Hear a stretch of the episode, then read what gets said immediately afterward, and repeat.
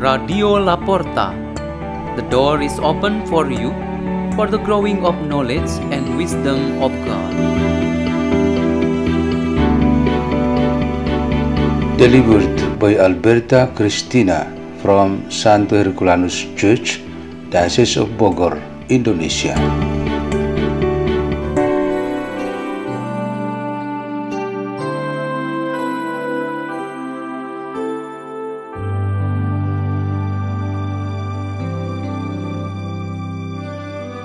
Reading and meditation on the Word of God on Tuesday of the 28th week in Ordinary Time, October 11, 2022.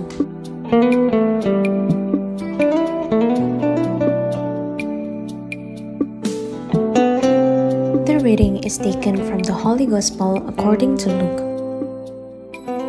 After Jesus had spoken, a Pharisee invited him to dine at his home. He entered and reclined at table to eat. The Pharisee was amazed to see that he did not observe the prescribed washing before the meal.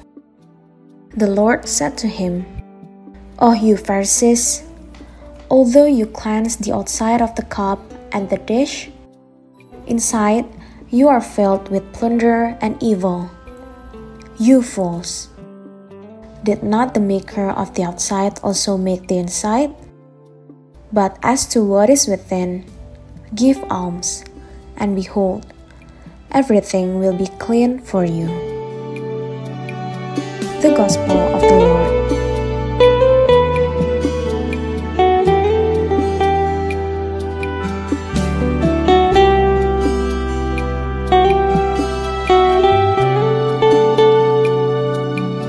Theme for our meditation today is Don't force God to divert. Christians who are also members of the church are not all holy and righteous.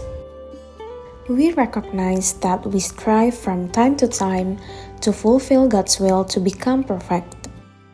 Jesus' message for us, his followers, is very clear and revealing which is to become perfect as our Heavenly Father, who is ever perfect.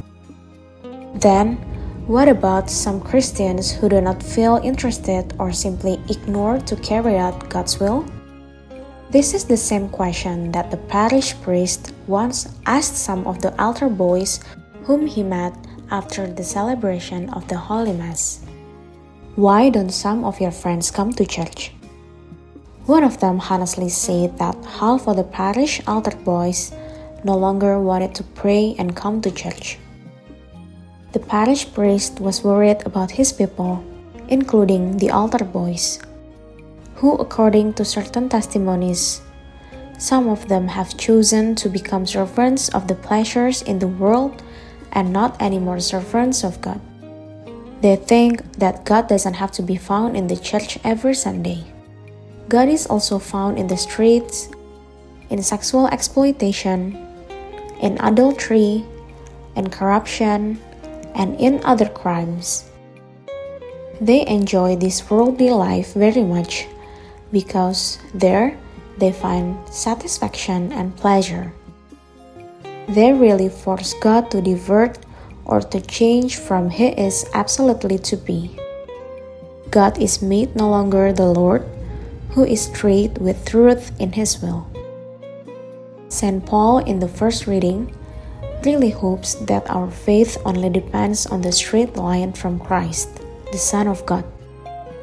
This emphasis on our obedience or upright fidelity must be made consistent in all times and places, so that we do not fall into other influences that come and go without end.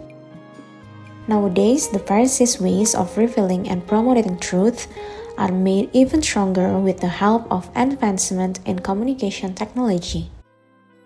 Lies and hypocrisy spread so fast and hide behind the ability of the means of communication that can protect them.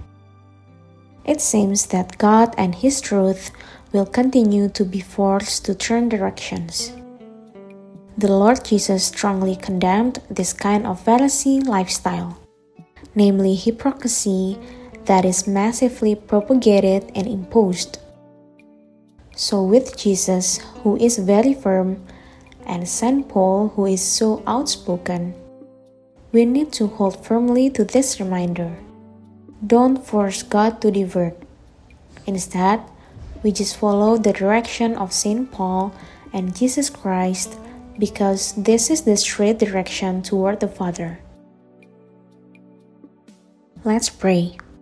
In the name of the Father, and of the Son, and of the Holy Spirit, Amen.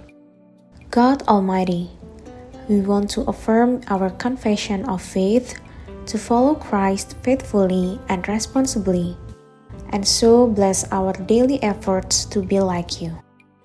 Hail Mary, full of grace, the Lord is with thee.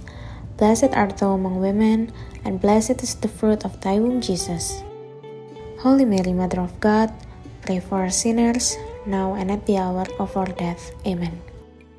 In the name of the Father, and of the Son, and of the Holy Spirit. Amen. Radio La Porta. The door is open for you.